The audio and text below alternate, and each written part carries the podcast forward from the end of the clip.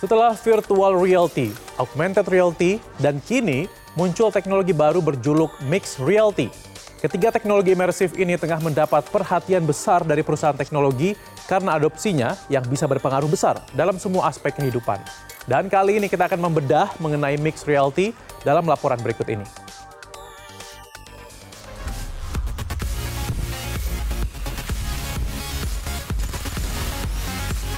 Ini adalah virtual reality, di mana penggunanya akan masuk ke dalam sebuah dunia virtual yang benar-benar berbeda dengan dunia nyata.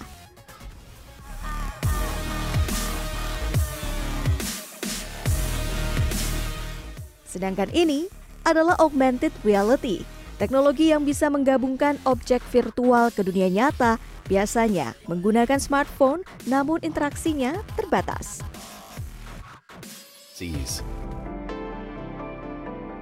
Welcome to Altura's immersive step-by-step training for an engine actuator repair. Dan ini adalah mixed reality, sebuah teknologi yang memiliki campuran konsep antara virtual reality dan augmented reality. Hasilnya, teknologi ini dapat menciptakan interaksi yang lebih kompleks antara lingkungan nyata dan objek virtual yang diproyeksikan melalui sebuah kacamata khusus. Untuk merasakan langsung teknologi mixed reality, saya mengunjungi kantor Microsoft Indonesia. Untuk menggunakan teknologi mixed reality secara optimal, salah satunya bisa menggunakan kacamata ini. Kacamata ini adalah kacamata HoloLens. Bedanya dengan kacamata virtual lain adalah bisa dilihat lensanya ini transparan, jadi kita tetap bisa melihat lingkungan sekitar. Nantinya kacamata ini juga mampu menampilkan tampilan animasi grafis eh, dan kita bisa melakukan interaksi secara langsung menggunakan isyarat tangan. Di sebelah saya. Ketika pertama kali memakai HoloLens, beberapa menu virtual muncul di mata saya. Ada pula objek lain yang bisa dipindahkan atau dimainkan seperti halnya benda nyata. Awalnya agak terasa aneh bagi saya, karena saya bisa melihat objek benda virtual sekaligus ruangan tempat saya berada.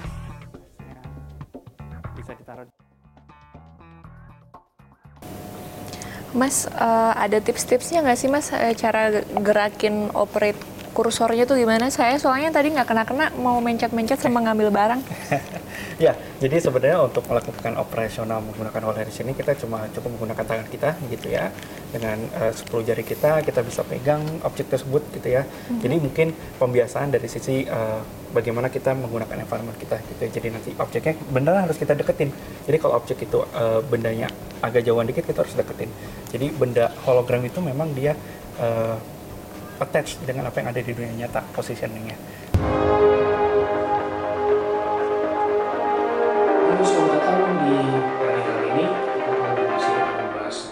Setelah beberapa saat saya mulai terbiasa, saya mencoba simulasi yang lebih sulit, yaitu mencoba fitur kolaborasi, di mana saya harus berlatih mengoperasikan sebuah mesin dengan panduan seorang instruktur yang berada di tempat lain secara real time. Nice work. Step 3. Lalu, bagaimana teknologi mixed reality ini bisa dijalankan? Jadi ketika kita bawa teknologinya itu bisa beragam dari mulai HoloLens untuk kacamata tadi uh, menggunakan smartphone, menggunakan hmm. tablet atau PC, bahkan menggunakan beberapa device seperti drone. Ah. Jadi tergantung bagaimana skenario bisnis yang akan kita bangun bersama.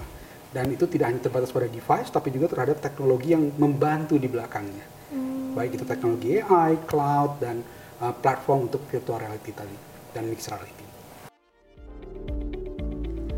Di Indonesia, teknologi mixed reality telah dimanfaatkan oleh beberapa industri seperti manufaktur, perhubungan, dan juga perbankan. Biasanya dalam hal pelatihan karyawan dan perawatan peralatan. Menurut Daniel Andrew, co-founder perusahaan yang menyediakan layanan mixed reality, adopsi teknologi mixed reality menunjukkan peningkatan setiap tahun. Meski demikian, sebagai teknologi baru tentu masih ada beberapa kekurangan. Klien kita, klien pertama kita adalah PT Solusi Bangun Indonesia, uh, Holcim, uh, dan grup semen lainnya itu. Mereka punya, uh, punya empat pabrik. Kita implementasi untuk empat pabrik lintas uh, pulau di Indonesia. Sejauh ini salah satu feedback yang perlu enhancement adalah di level uh, hardware-nya sendiri, level device. Karena untuk saat ini penggunaan maksimum uh, itu kurang lebih sekitar satu jam lah untuk uh, mereka melakukan uh, remote maintenance kurang lebih seperti itu. Pada acara pameran teknologi Consumer Electronics Show 2023 di Las Vegas, Amerika, awal Januari lalu, teknologi imersif menjadi salah satu teknologi yang paling melonjol. Beberapa produsen kacamata imersif memperkenalkan produk terbarunya. Bahkan, sebuah startup dari Eropa menciptakan sebuah kacamata virtual reality yang bisa mengeluarkan aroma. Lantas, apakah ini artinya tren teknologi mixed reality akan booming di tahun ini?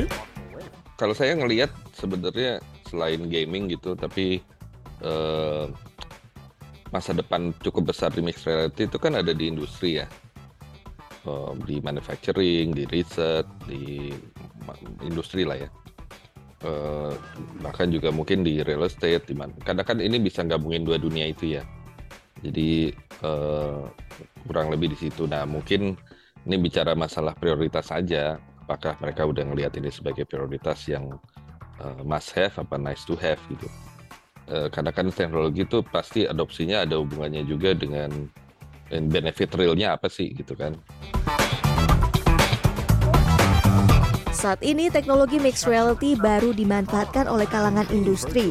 Namun, tidak menutup kemungkinan di masa mendatang setiap orang dapat menggunakannya. Tim Liputan CNN Indonesia, Jakarta. Welcome